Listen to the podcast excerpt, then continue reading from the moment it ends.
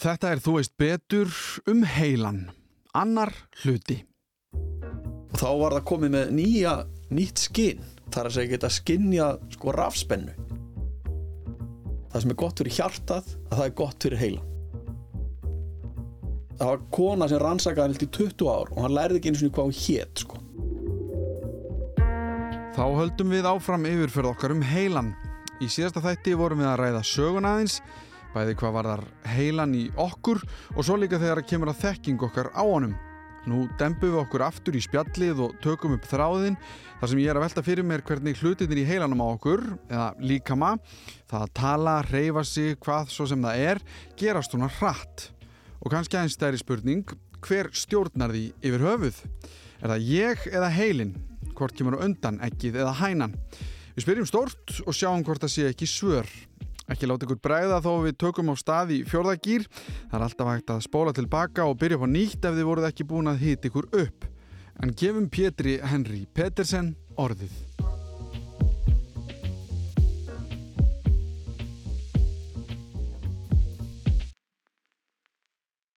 fyrir að fyrsta sko taugabóðin þau fara ef ég mann rétt á svona 1 til 100 metra hraða á sekundu þannig að hröðustu bóðin er að fara 100 metra á sekundu -hmm. þannig að þú ert segjum að setja 1 meter er að þá er það að fara 100 á sekundu sko frá heilanum og niður í tá sko þannig að það er stöttu tími sko og ég hef mikið hugsað um akkurat þessa spurningu sjálfur sko.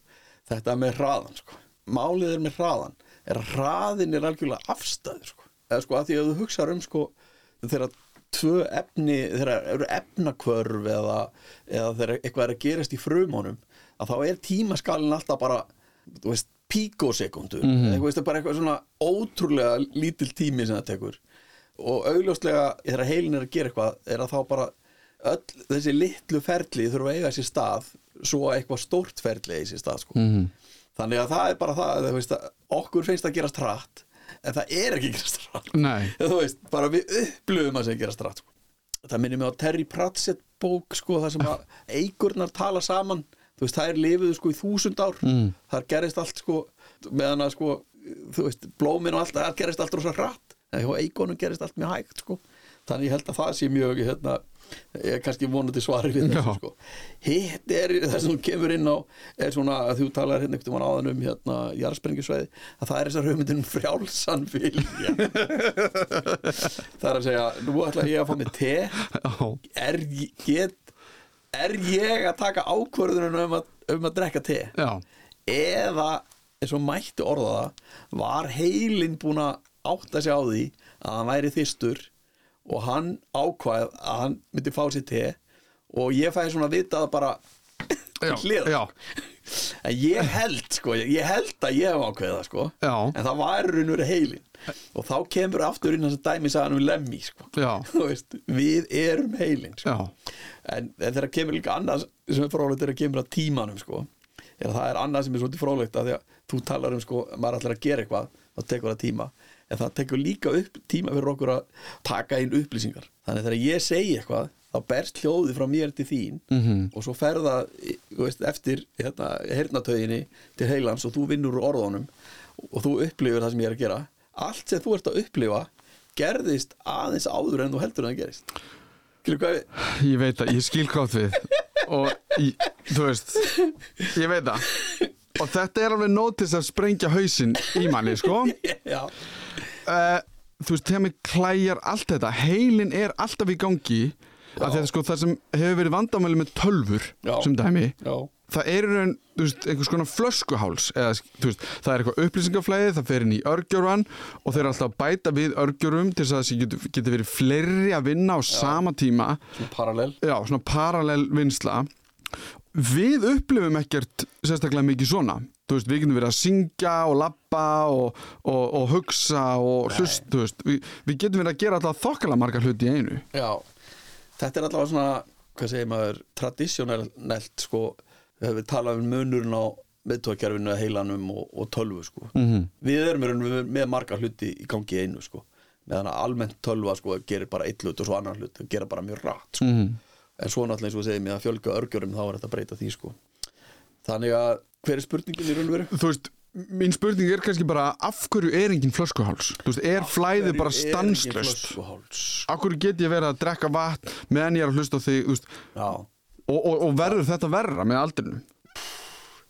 Hérna get ég nú bara svara svona kannski sem leikmaður. Ég, Já, ég myndi halda að vera verra með aldrinum. Ég veit að gárungar hafa haldið fram að þessi mismændi milli kynja Kallmenn get ekki gert tvo hluti í einu mm -hmm. uh, uh, meðan að konur geti það sko já, já, þannig að ég, ég, ég, held að það sé raunverið eitthvað flöskuháls hvernig hann væri skilgreindur er svo önnur spurning sko. Þa, það er frekar auðvöld kannski að mjög svona reyfingar sko. maður getur ekki verið að spila tennis og badminton og squash á sama tíma maður bara, getur bara nota hendin í eitt sko. Mhm.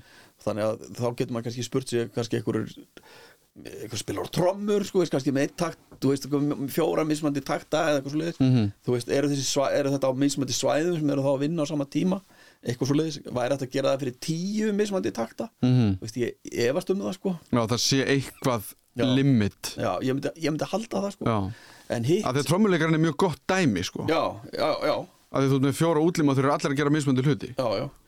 Það er náttúrulega líka þessi mýta sko að við getum multitaskað og ég held sko þegar kemur að, að sko hugsunin okkar sko er að þá er niðurstaðan að það er svona að multitaska er annarkvort mjög sjaldgæft eða mjög hérna, óskilvirt sko. mm -hmm. þannig að þú veist, maður getur verið að horfa fótbolta eða verið á Facebook á hérna, spjaltölunni en ekki á sama tíma sko.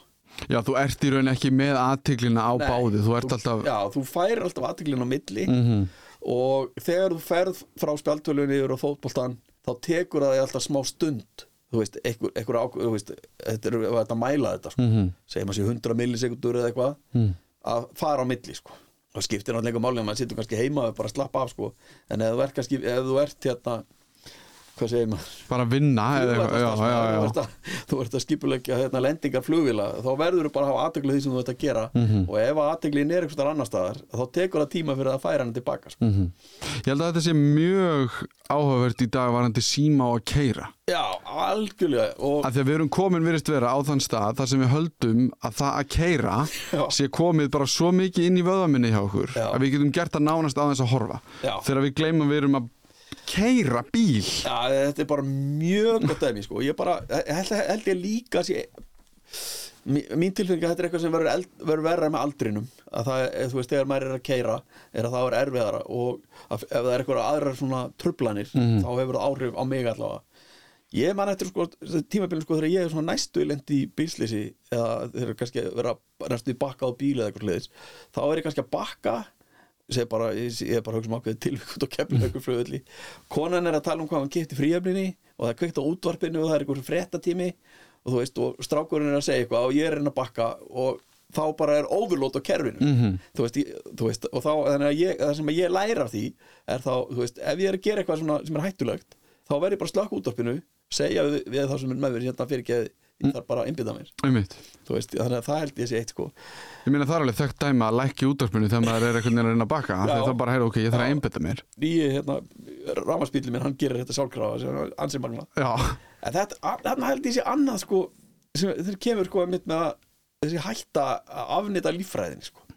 þannig að núna til dæmis sko mikið að nýju ramaspílum þá er ekki takkar. Þú veist það er miklu meira áherslu á skjáin sko.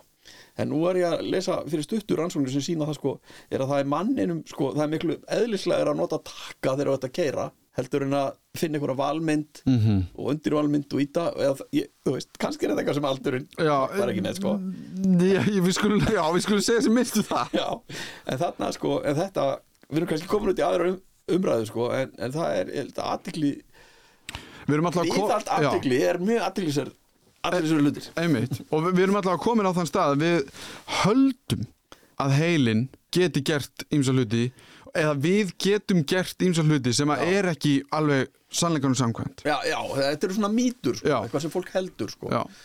Mann eftir einni sögu sko, það sem var maður sem var að segja sko að hann var með mælingar á þessu vegna þess að hann var alltaf að tepla sko á símanu sín og þá náði hann einhver ákveðinu elostí mm bara 1500 og svo tók hann eftir sko stundu þegar fólk hringdi í hann sko þá var hann sko í símanum að tala við fólk og var að tepla með hann. En þá voru elostíin miklu lægri sko. Mhm, þú veist þannig að held sko að geti gert tvo hluti sama tíma en það kom niður á öðrum. öðrum sko. Já, og hann var örgulega frekar leðilegur í samtalinu. Já, Pottet Þannig að þetta, en þetta ég veit ekki sko alla þessa tækni sko, náttúrulega það eru hættur, það, en sumt af þessi er nýja brum, Mhm. en margt af þessi er bara eitthvað, þú veist, maður er bara að horfast í augu við, sko.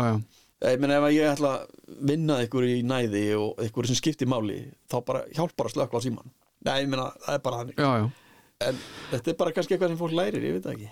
En sko, ég held notabene ekki, sko. Ég held að læri það ekki. Það bara heldur að það verður bara svona skýt sæmilegt í öðru hvoru. já, En mér langar bara aðeins árum fyrir mig framtíðina já, að spyrja út í sko, að þú þú ert búin að tala nokkuð sem um að læra. Já, og eldast og, og hvernig heilin hrörnar. já, Ég man þegar ég var að æfa glímu. Já, og þá var oft talað um að ég myndi glíma og æfa þannig til að hlutir væri komnir inn í vöðvaminnið. já, Ég væri byrjar að gera hluti án þess að hugsa. Einmitt, og ég held að það sé daldið eins og atvinnu íþróttafólk virkar. Þá er oft talað um tíus klukkutímana. Já, það er mjög klassíst af því að þú veist, ég heyrði til mér að hafnabólta spilarar. Já, það líði það stuttur tími já, á milli þess sem að kastarinn já, kastar boltanum já, og þá til hann er komin að, að hérna að, hvað, svo sem er að slá hittir honum. Að, að það líði það stuttur tími að heilin get ekki veist, hann, hann, hann, það sé Já, já. of stuttur tími þannig að eina sem að sem er að slá er að gera já, er að hann er að reikna út af því þú sagðir aðan við erum svo góði að reikna út Já, hvernig, já. Við, hvernig við, annað fólk virkar og eitthvað. Já, að eftir hvernig kastarinn er að haga sér eða beita sér já, þá er heilin að reikna út þetta er, líkle, þetta er líklegasta niðurstaðan. Já, já. þetta er líklegasta niðurstaðan. Já, já, og það eru einhverju tíus klukkutímar ef vöðaminni já, já, þannig að spurningi mín er kannski er til eitthvað sem heitir vöðaminni er þetta ekki bara eitthvað sem að þjálfara minni í mjölni og snýst lærdómur ef við viljum læra eitthvað bara um það að gera hlutin nógu oft eða nógu mikið já ég, og sé, ég get svona svaraði svona bara svona almennt, sko mm. eins og ég skil starfsem heilans og bara það skilja hann örgulega mjög margir talsett miklu betur sko er að þá það sem að þú kallar vöðvaminni Mm. er raun og veru starfsemi djúpkjarnana Mm -hmm. það er að segja að þessi djúpkjarnar sem við erum búin að tala um heilabörkin sem er ist en svo sagt, þar fyrir innan er að þar er sem sagt, safna taugafrumum og má kannski segja séu þekktastar eða þannig séð þú veist, er að tengingar þar eru það taugafrumur í Parkinsons Mhm. þá eru taugafrumur sem tengjast djúpkjörnunum sem deyja Já. eða þeim fækkar og þú veist og þá fer það að vera miklu erfiðara sko að hefja reyfingar Mm þannig að ég tek undir það sem þú segir í þeim skilningi að þetta er veru samspil á milli hníkilsins sem við tölum um áðan. Þannig að fyrst þegar þú byrjar að Hvað var aftur þar? ég var ekki, sko, ég held ekki hvort að glíma sér gott hérna, gott dæmi. Klassíska dæmi allavega, þú veist, bara kennslubókum er að tala um tennis eða eitthvað svo leiðis Mm þú veist, þegar fólk fer að byrja að læra tennis annað væri kannski að, að henda pílu í, í mark eða eitthvað svo leiðis til þess að henda pílu í mark þá þarfst að segja vöð, réttu vöðvonum að gera réttu hlutina af réttum krafti og í réttir tímaröð. -hmm. og þessi bóð koma frá reyfi berginum. En Það er nýkillinn Nei, fyrir ekki, frá reyfiberkinum sem, sagt, hérna, sem er í heilabörgjunum hérna fremst sko. Já, en þau koma og raunverið þar í kring og tengt djúpkjörnunum eru þá eitthvað sem að maður er kannski mjög hættið til að kalla forrit, þá er kannski að segja leiðbeiningar það sem myndi þá að vera ok, þessi vöði, svo þessi vöði, svo þessi Mhm. og þessi er svolítið mikið og þessi aðeins minna og svo framvegis Nikillin sem er hérna alveg aftast sem það er litli heilin Mm. hann fær allar upplýsingar um allt sem þú ert að fara að gera þegar þú ætlar að skjóta pílu í mark til dæmis þá veit veit Nikillin að þú ætlar að hérna, hann veit bæði það sem gerist í vöðvonum Já. og líka er raun og veru það sem þú ætlar að gera af því það er oft tölur munur og þá, ef að það er mikill munur sjá, þú hittir ekki pílunni Mm.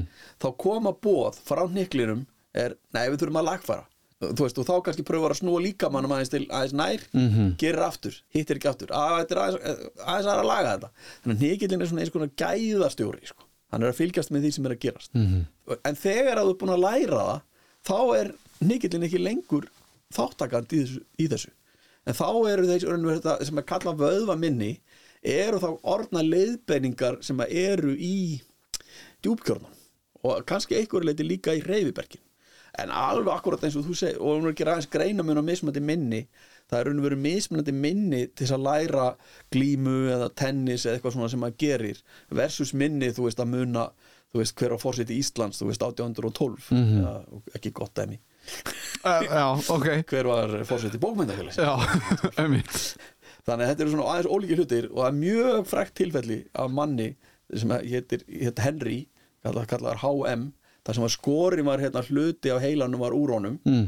og þá gata hann ekki lengur skapað nýjar minningar þar að segja að hann, það var kona sem rannsakaði hann í 20 ár og hann lærði ekki eins og hvað hún hét sko. Þannig að þú fórst inn til hans spjallaði við hann og var mjög, mjög eh, og bara taka það fram, þetta var gert vegna sem hann var flogaveikur, hann var mjög alvarlega veikur. Mm. það var að reyna bjargónum og menn vissi ekki raun og ekki hvað þeir voru að gera. En afleggingin var allavega þessi er að hann gati ekki mynda minningar. Þannig að hann kom bara í herbyggið talaði við þig, fór aftur út kom aftur inn, allt endurtekið, skilur -hmm. og það er þetta að hlusta á viðtól við hann á netinu það er mjög trist að hlusta á hann því að hann segir voða mikið hérna æ, maður man ekki vel hvað er að gerast, Einmitt sko. En hann lærði að teikna. Þannig að hann fór, kent, var kent að teikna. Þannig að, þú veist, þannig að hann byrjaði þá náttúrulega bara krass Mm. og svo bara í gegnum árin og þá var hann alltaf betri og betri. En hann mundi ekki eftir því að hann lært að teikna. Skilur við, þannig að við mér að fæta er ekki skrítið ef allt í einu þú væri með einhvern hæfileika. Jú, þú bara skilur allt í einu kannt að spila á píano Býtu, hvernig lærði ég að spila á píano þú manst ekki eftir því. En, en, en skilur hæfilegin að spila á píano er annar staðar í heilanum heldur en hæfilegin til að muna að læra Já, að spila einmitt. Skilur hvað er að fara? Og ég ætla bara að skjóta hérna aftur hérna að ég, ég er svolítið áhersamur um þessu sko, tengingu við íþróttir sko, að ég held einmitt sko, að eins og í tennis að þú hefur svo lítinn tíma og þá er, er, er sko heilin held ég að reyna að skoða þú veist, hvernig stendur við komandi og þú veist, og svo reynir hann að meta mjög fljótt. Og, og það er engin tími og þetta er náttúrulega líka satt í bardaga í þróttum, þú veist, það er engin tími til að hugsa og segja, já, nú virðist það náttúrulega kýla með vinstra megin. nú ætlar hann að kýla með vinstra megin þá ætla ég að vera með svona og svona. Mm -hmm. það er ekki tækt sko. Það er þess vegna sem fólk æfir sig og æfir sig. Og það er náttúrulega sko galdurinn á bakvið sumar íþróttir. Þú veist eins og Messi sko hann hleypur einhver staðar og varnamaðurinn heldur hann sé að fara að gera eitthvað af því hann mm. reyfir sig einhvern nákvæðin hátt en svo gera hann öfugt sko, eins og við þekkjum. Veist, þannig að, þannig að þá ertu raun og vera að blekja spákerfi Já, hinna, já, já. þú veist, og það er hluti af íþróttum. Eða bara sem því að, að, að því að við vorum á HM fittur í handbólta, þú veist, þú ert alltaf að reyna að lekkja þann sem þú ert að spila við til þess að, einmitt, svo hann, svo hann gerir eitthvað svo nýttir þau þeirra sko. það er mismunandi þetta í íþróttum. En, en hvernig er það þá varandi, að því að nú er ég að reyna að læra frönsku? Já, og ég er að nota app, já, Duolingo. Já, það verðist virka einhvern mjög ákveðin hátt. Það er einhverja endurtekningar og, og, svona.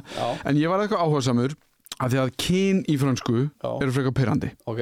Þannig ég var eitthvað svona forvitin. Og ég fór og tjekkaði á bara Amazon að því ég er með Kindle. Já, og þar var einhver maður sem var bara búin að búa til svona fullt af bara lærðu kyn í frönsku eða franskar smásugur eða eitthvað svona. Mm. og bóðskapurinn í þeim báðum var þú bara lest kaplan já, og þú ert búin að því þá býður einn dag daginn eftir já, þá kemur og lest hann aftur. Já. Og þá ertu kannski búin að fara yfir listan sem er í lokin og það er kannski smá af þýðingum og eitthvað en sem lest hann aftur. Já. og ég hugsa, ok, hér er eitthvað líka það er eitthvað verið að vinna með einhver kerfi. Já, sko, og að- ég fór bara að pæla í þessu vöðvaminni. Já, hvort það sé bara, einmitt, að ég bara lesi frönsku, bara aftur og aftur og aftur já. og smám saman einhvern veginn seittli inn að ég held að það kom alltaf tími já, þegar þú ert að læra eitthvað nýtt já, þar sem þú hættir af því að þú ert svo lélegur í því. En að á því tímabili sé heilin að læra hvað mest. Hann er bara að reyna að sortir allar upplýsingarnar sem eru nýjar og þá að mynda ný, nýjar tengingar hvernig finnst þér þessi kenning hjá mér? mér er að segja bara eins og þetta er bara mjög fín kenning og þarna og ég bara ég þekki bara þetta bara mjög vel sko, bara frá mínum eigin ágætu nefndum Mm. ég með svona hliðarkenningu sko. það er að segja, er að það mynd verður svo mikið, oft er eitthvað svo erfitt eitthvað virðist vera óyfirstýnalegt er að þá verður oft til svo mikið frústrasjón Mm -hmm. Þú veist, ég hef aldrei þetta að geta þetta ég, skilit ekki sko. Mhm. og ég held sko að þegar það ástand hefur skapast þá gengur illa læra sko. Mhm. svona pínu öfugt Þetta er svona hænun ekki þeim já, ég, ég er alveg, sko, sammála þinni tilgáttu eða mér hún vera aðlaðandi sko. en ég held sko, þannig að ég er reyna oft svona í minni kennslu að reyna sko að forðast þessa, frú- forðast þessa frústrasjón Mhm. og það er kannski, reyna, og má kannski segja hlutverk já, sko, tilgáttur okkar er kannski hérna ekki alveg í syng sko, því að mín tilgáttur myndi vera sko að hlutverk kennarans ætti að vera sko að koma í veg fyrir þessa frústrasjón sko, en samkvæmt þinni tilgáttu þá þarf svona kannski allavega þarf hún að vera til staðar sko fólk, svo fólk læri sko. Já, Já, ég, ég, fólk takir kannski rétt sko, má bara ekki fara of mikið, Nei, af því ég held sko, ég held að þetta sé kannski þá balans Já, á milli þess af því að Já. þetta verður, af því að þú myndi aldrei skilja allt þú myndi aldrei læra nýtt tungumál og vera bara, heyrðu, þetta er meikar alveg sens Nei. eða þá verið námi og skilja allt sem er verið að segja. Já. en að þá snúðist þetta kannski um að ef þú áttar þig á því já, að í fyrsta lagi er í lægi að skilja ekki allt já, og að það sko að það þýði að þú sért að minnst að taka eitthvað inn.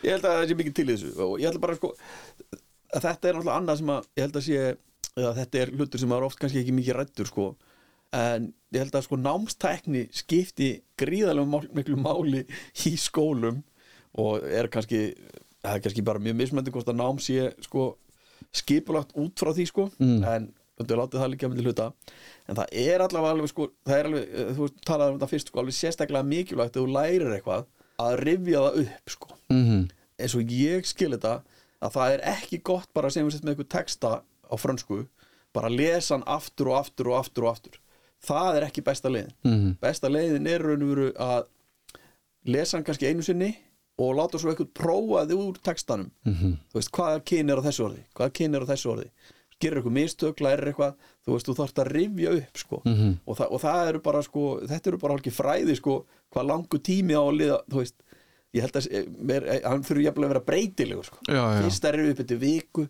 svo eftir mánuð það er oft sko í skólakerfum þá er svona sko eins og þessi litið á hluti sko, þú lærir bara eitthvað og svo ertu búin að læra það sko. Já, já. það er ekki þannig sko. Þú veist, þú þarft alltaf að vera að rifja upp sko.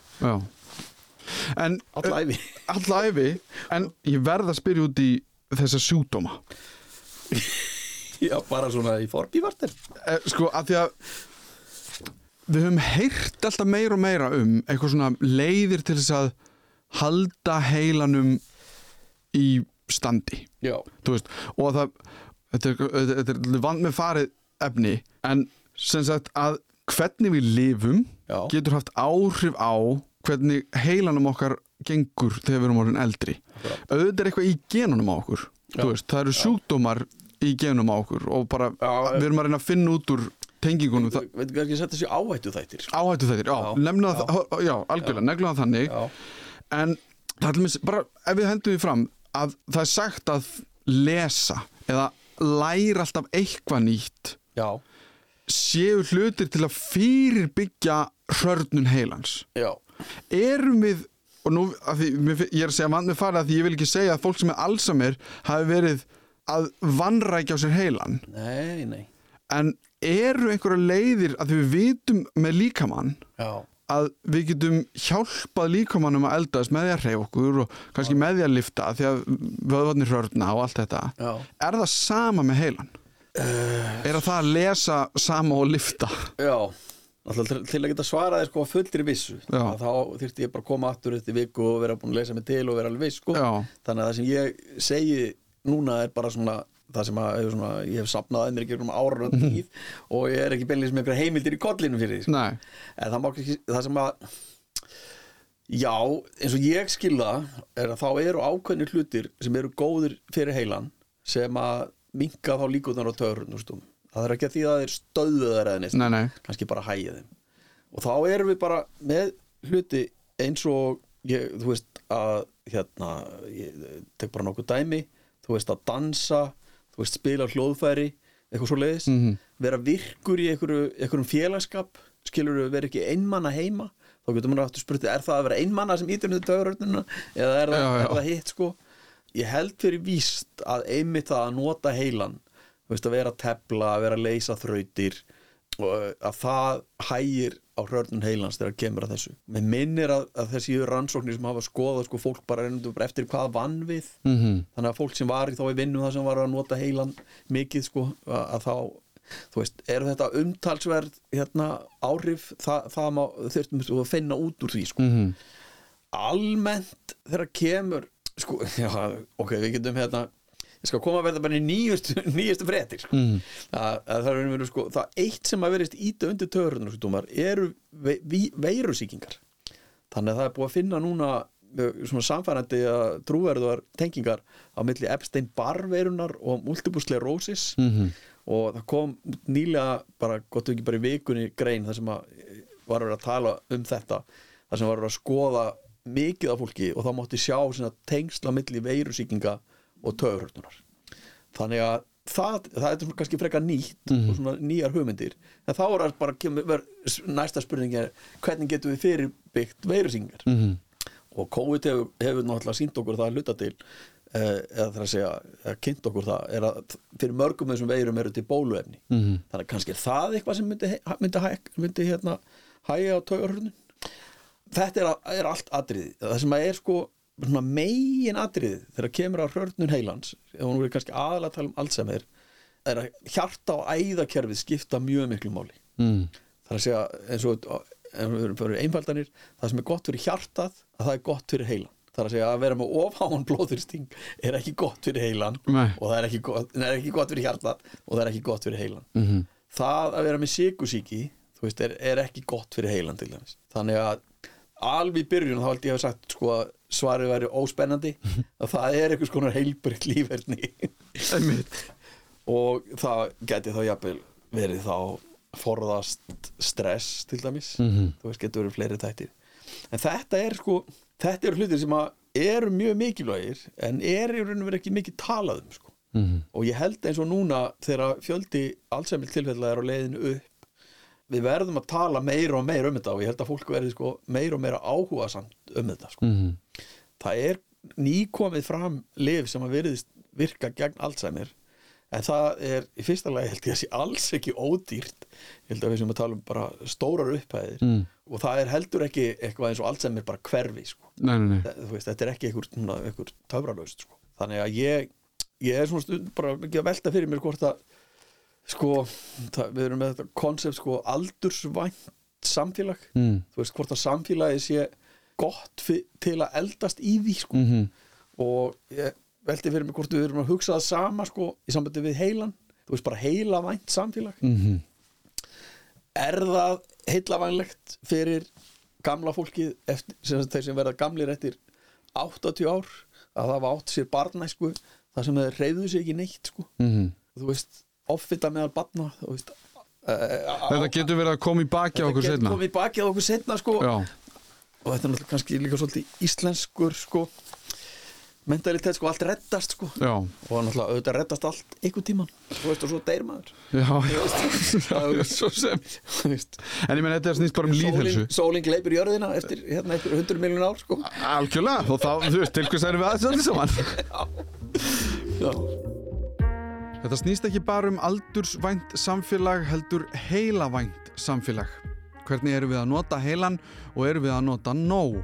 Það er kannski leðilegt að heyra að svari við því hvernig maður heldur heilanum á sér ferskum er heilbritt lífverðni en ég sé ekki hvernig það sé leðilegt að dansa, tepla, spila hljóðfæri eða njóta þess að vera með fólki.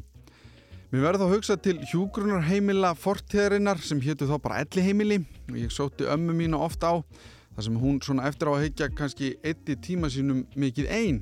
Ég veit að auðvitað ekki en hafandi heimsótt hjúgrunarheimil í dag finnst mér að minnsta kosti eins og við séum að átt okkur á því hvað félagskapur gerir mikið fyrir okkur. Hann þarf ekki eins og verið í formi mannesku. Að leifa fólki á ákveðnum aldrei að eiga og sjá um dýr er ekki bara krútlegt heldur gefur tilgang og samverustundir. En það sem við lærum varandi reyfingu er geimt á öðrum stað en þar sem við geimum minningar. Vöðvaminni er hugsanlega bara að gera sama hlutin mjög oft svo reyfingin verði náttúruleg. Kannski er þetta líka því við að byggja hraðbraut sem getur tekið dákáðan tíma en þegar hún er tilbúin er hægt að keira mun hraðar um að ná milli staða en áður. En ef maður ætlar að mun eitthvað eins og þegar maður er til dæmis í skóla snýst málið um upprifjun og kannski mismunandi nálganir á sama efni. Ég held að við þekkjum það öll að lesa eitthvað eða heyra eins og í þessum þáttum og það er ekki fyrir en eftir þrjú-fjúr skipti sem við loksins finnum að við vitum eitthvað innan gæsa lappa. Munum það algjörlega. Tæknilega séð er vinnan í þessum þætti stanslus upprifin fyrir mér sem er fullkomið en nóg röfl frá mér. Hvað með framtíð heilans? Er hún eitthvað til að tala um? Er eitthvað heilagt gral sem við erum að leitast eftir eins og í skamtafræðinni sem dæmi?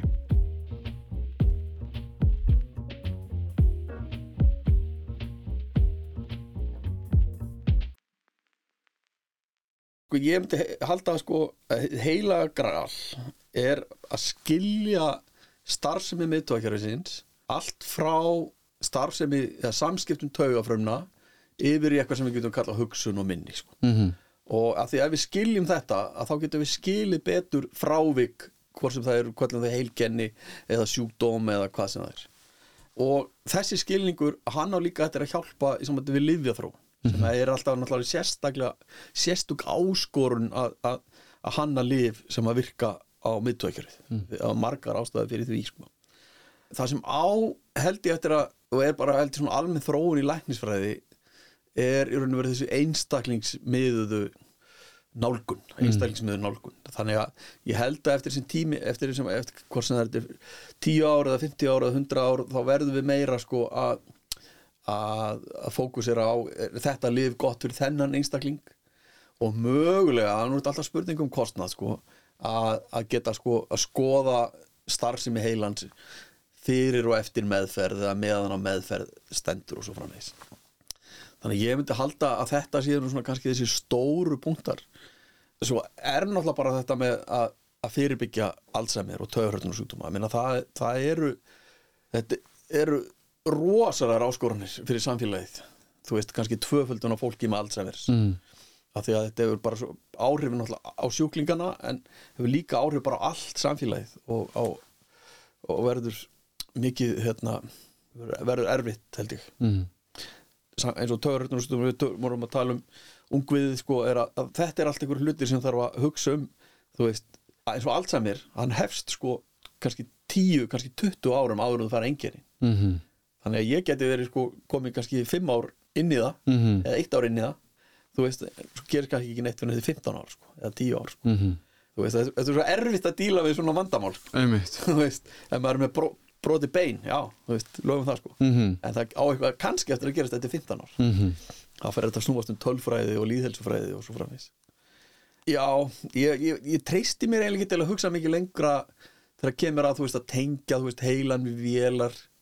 Eins og þú verður heyrt sko að ég held að við það, ég sé ekki á næstu þúsund árum að við séum að flýja líffræði heilan sko þú veist, örglega ef þetta að geta sko sett einhverjar, elektróður að heilan og stjórnað einhvernum vélum og ef það er það notað í hernaði að þá verður það örglega hannat sko Já, já.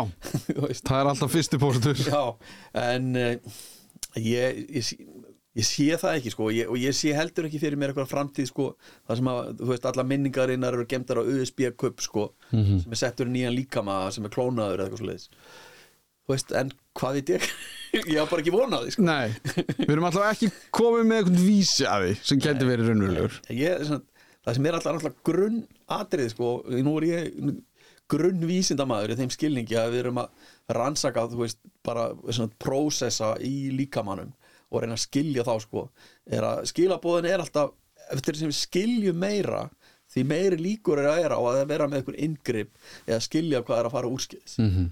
og það er virkilega að gerast í taugavísindum í dag það er, er rosalega mikið að gerast Þetta er bara frábært. Má ég spyrja einu viðbót sem við kannski, ég veit ekki hvort ég hefða með ekki, en allt þetta með að hakka heilan, já, sem er rosa vinsælt í dag. já, Bæði til eitthvað sem heitir sko nootropics, sem ég veit ekki hvað íslenska þýðingina er á, en þetta eru sko, ég held að þetta séu, þetta er ekki lif, en þetta er einhvers konar náttúrulif.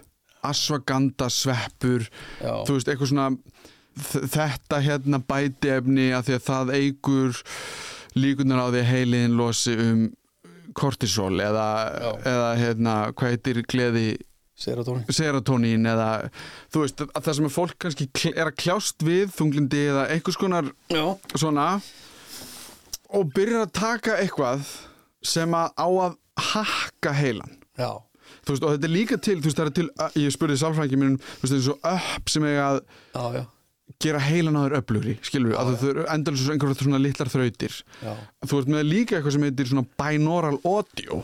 Ég man veginn þegar ég var að læra hljóðtækni þá var það alltaf vinsalt að það átt að geta bara hakka á þér heilan með hljóðbylgjum sko, hafði þú verið sofandi já, svona eins og Neo í Matrix eða eitthvað, þú getur einhvern veginn já. þú veist, allt þetta dót Sko, ég svona, hef haft svolítið áhuga þessu sko þegar kemur að þessu þessum kallaði neutrophics og kallaði hakka heilan já, þetta er náttúrulega bara eitthvað sem menn hafa gert þú veist í þúsundir ára sko. einhverjir töfra læknar eða eitthvað fólk sambarlega starfslýsingu hefur notað einhverja jurtir og við einhverju ákveðinu mm. þannig að, já, ég meina þetta er bara eins og mörg, mörg lif sem við notum í dag koma frá náttúrunni. Ástæðan fyrir að þau eru notuð sko í svona skipulaðri læknisfræði er að það er búið að skilgreina þú veist, hvað efnið þetta eru við hvaða prótein þau bindast hættan er kannski eh, vonandi sko þekkt, þú veist, það er þekktar aukaverkanir og svo framvegis uh, náttúrulif, það er ekki sem segir að náttúrulif hafi ekki virkni hún er bara svolítið óskilgreind. Mm þannig að fólk getur náttúrulega bara þú veist, ef þú vilt hakka á þér heilan með einhverjum efnum að þá er bara einhver hætta á því að heilin á þér fari hakk. Já, veist, sko og það, það er náttúrulega bara áhætta sem að einstaklingurinn tekur þá í það að það skipti sko. mm sumt af þessu er elvist skadlust eitthvað, er- og svo fer þetta líka eftir einstaklingun sumir eru, geta verið viðkvæmir, viðkvæmir en aðrir sko. -hmm. Sko, það, þannig að en þetta er raun og verið að taka svona eitthvað lif til að hafa áhrif á líkamann er raun og verið ekkit annað heldur en bara að nota lif það er bara, þetta er bara svona annað, annað umhverfið eða önnur saga Mhm. og ég segi, það má, má vara við því sem orða þannig Mhm. en, en, en það er ekki óskilna að því sko ég skil alveg að þú tekur C-vitamin að- eða D-vitamin að þú vilt styrkja ónæmiskerfið Já, en ég er aðalega að spurja að því að heilin er kannski aðeins annað mál. Og það spurningin kannski er þá frekar ættum við að vera að hafa áhrif á virkni heilans já, án þess að hún sé gerð þú veist, ég fæ já, sem segir hérna er konserta já, við vitum hvað það gerir já, já. og alveg sem er bara geðsjúdóm og fleira. Þú veist, þá, þá er einhverjar þú veist, þú tekur íbúfinn og það er alltaf sama í íbúfinninu þetta er kannski, þú veist að það eru líf uh, hérna bætefni úti já. sem að segja bara eigur virkni heilans. Já, ég myndi ekki hafa of mikla trú á því sko. Og, og ég myndi held oft sko að innihaldsefnin, ef það eru ykkur virkefni þá geta þau verið annarkvæmt að litlu magni eða þau getur verið á stundum það á, stundum lág mm -hmm. þú veist, ég myndi bara segja að þegar kemur að því hafa áhrif á heilan með einhverjum efnum sem maður veit ekki alveg hvað gera þá er maður að taka áhættu sko. Eða maður, við skulum orða þannig, maður getur verið að taka áhættu. Mhm. maður veit ekki alveg. Og er nú í prinsipinu og þetta ánáttúrulega við um öll, þú veist, öll lif hafa, hafa aukaverkanir. Mm. það er eiginlega engin lif sem eru bara hafa bara jákvæð áhrif en engin neikvæð áhrif. En þetta er bara stór svona, stórt umræðuefni og ég kendi sko lifjafræði mittokjörisins e, í nokkur ár fyrir læknanema byrjaði á því örugglega fyrir svona 12 árum eða eitthvað sliðis og þá kynnti ég alltaf fyrir þeim þessar hugmyndir með hérna psilocybin og LSD og líknar meðferð já, sem að voru þá alveg komnar á kreik en þá var þetta allt og er náttúrulega kannski enn á ma- margan hátt bannað sko, þannig ég hef svona fylst svolítið með þeirri umræðu sem er núna svona að springa út. Já, heldur betur. Veist, að veist, þannig að, ég eins og ég hef verið í einhverjum viðtölum út af þessu sko, þá var leggi, lagði ég og legg áherslu á að þú veist, að það er tvent ólíkt þú veist, að gera eitthvað bara einn sjálfur með eitthvað sem þú veist ekki hvað er mm. versus að gera það þá kannski með einhverju fólki sem er þjálfað til þess að aðstóða þig Mhm. þekkir söguna og þekkir hættunar og svo framvegis þannig að það, það er svona minn útgangspunktur þegar kemur að þessum að nota einhver, einhver lif Mm. til þess að bæta heilan. Af því nú var ég bara að tala um fæð, fæðubótar efni ef við orðum það þannig. En síðan er náttúrulega eiturlif eru líka sko, vímuefni að hvernig Já. sem við viljum bara, Já, já. hvað orð sem við viljum nota eru líka annar kapli sko, af því að já, já, ég meina hvað gerir meina, etabla eða MDMA er það ekki það bara að losa serotonin í bara gommum í heilanum maður? og og og það er ekki endalust af þessu Nei, þess vegna verður fólk stundur svolítið leita inn eftir. Já, en þú veist þetta er svona pínu kannski að því ég veit að úti í útlöndum Já. á tónlistarháttíðum að þá er orðið meiri fræðsla já, um hvað sé í raun í gangi já, í já, þannig að ef þú verður leiðu daginn eftir eða Já, hvernig sem er að þá getur þú sagt að þetta er mögulega ástæðan. Að, að, það, það er kannski svona þetta sem ég meina með að eiginlega allir hluti sem við gerum hafa einhver áhrif á heilan á okkur. Já, já, annars að við gerum okkur kannski grein fyrir því. Já, ég veit ekki hvort við viljum gera greina mun á því að horfa á hryllismyndir eða, eða taka einhver efni sko. Já, En já, algjörlega. Þetta er viðkvæm umræða veist, Við vi möfna löst Ísland árið 2000 jú, jú. þetta, þetta er stert í mannlegu eðli kannski mismunandi eða, veist, kannski ekki alla æfina veist, þetta er kannski aðalega fólk á okkur um aldri Mm. sem er að gera tilraunir suma, sumir bara hætta og þú hefur gerist ekki neitt. Mhm. fyrir aðra þá getur haft mjög alvarlegar afleðingar ég meina e eitt stórt ef- vandamál komast. Þegar kemur að þessu allsæli og þessum efnum er að vegna þess að þetta er allt glæpastarfsemi þá þegar fólk er að taka einhverja pillur á einhverjum, klubum sem að eru seldar sem MDMA mhm, það eru, ég meina hvernig veistu þetta er MDMA sko, mhm. Getur verið eitthvað allt annað og, og það, fólk hefur tekið alveg lif sem hafa bara drepið það, sem er bara er eitthvað allt annað heldur en það ætlaði að taka. Mhm, en að þessu sleftu, að þá er það þetta er svo kallar neuroenhancement sem að ég hérna, stakk einhvern veginn upp á nýjörðinu taugabót mhm. sem að eru þá sko fólk sem að reynir einhvern veginn að bæta taugakerfið í raun og veru með tækni sko, ekki svona með livjum sko. Og þá er það sko fyrsta dæmi sem ég mann eftir að hafa heyrt uh, var fólk sko sem létt setja hérna sé, held, hvort að, það voru allavega játkúlur ég held að hvort það voru segulmagnaðar inn í puttan á sér. Og þá var það komið með nýja, nýtt skinn. Þar að segja geta skinnja sko rafspennu. Geta sko farið upp á vegg og fundið sko hvar rafmagnir liggur. Ok Þetta, þetta þetta, þó, því- ok, þetta hagnast einum hóp held ég mjög vel en ég veit ekki hvað ég hefði gerað við þetta. Rafvirkjar eru held ég aðal hérna, en ok. Já, en þetta sko þetta komment er held ég að undirstriki sko að fólkið sem gerir svona hluti er oft fólk sko sem er svona á jæðrinum sko. Þú veist, þetta er ekki bara svo við vitnum fyrir Jón og Gunnu sko, sem fara að gera þetta, þetta er eitthvað svona fólk sem er svona edgy og vil gera eitthvað öðru sér sko. ég veit ekki hvort þetta er ennþá algengt að gera þetta það eru náttúrulega líka frekar sko að fólk það er að kaupa kitt og það er erfitt að banna þetta Mm. þar sem fólk sko setur sko rafstuð á heilan á sér kaupir raun og veru bara elektróður sem það setur Mm. sem að gefa bara rafstuð sko.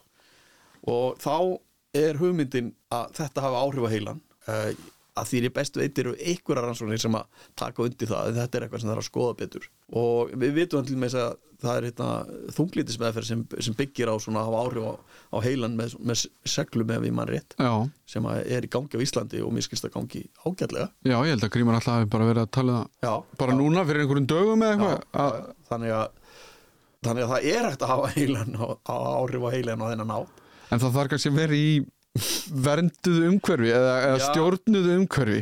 Já, þetta er náttúrulega bara það er alltaf það er- er áhætta, Já. er áhætta. Að Það er eitt að fara þarna Já. Með eitthvað þunglindi eða eitthvað og láta eitthvað atvinnufólk Já. sjá um þetta og annað að fara að láta sofa kannski með og vera að gefa sér sjálfum sér raflóst í heilan. Já, það er tætt ólíkt. En það er samt sem áður fólk sem gera þetta á einhverjum alþjóðabasis. Við getum aldrei stoppað það fólk. Nei, nei,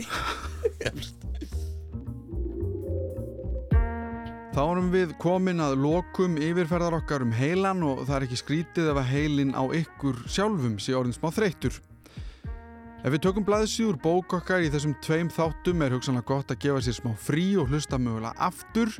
Þá síast meira inn og fleiri hlutir verða skýrari. Það er alltaf mín upplifin að þessu öllu saman. Ég vil þakka Pétri Henry Pettersen kærlega fyrir komuna, fyrir að upplýsa og skemmta, en það var örgulega meira hleyið í þessum þáttum en mörgum öðrum. Heilin er stórkostlegt fyrirbæri og við þurfum að fara vel með hann því eins og dæmisagan um Lemmy segir okkur þá erum við heilin. Spurningin er kannski oft bara hver sé að taka ákvarðaninnar. Ég skil ykkur eftir með þessa pælingu. Ég heiti Alli Má Steinarsson og þakka fyrir mig. Það er hægt að senda mér posta á allimarat.ruf.is ef það er einhverjar spurningar eða ábendingar. Ég bendi á að allir þættirnir eru nú líka aðgengilegir inn á spilara rúf. Það verður engin þáttur um páskana en það er til dæmis hægt að fara og hlusta á þáttin sem ég gerði um páskana ef ykkur þýstir í hluti til að vita meira um. En þetta var þú veist betur um heilan, þanga til næst.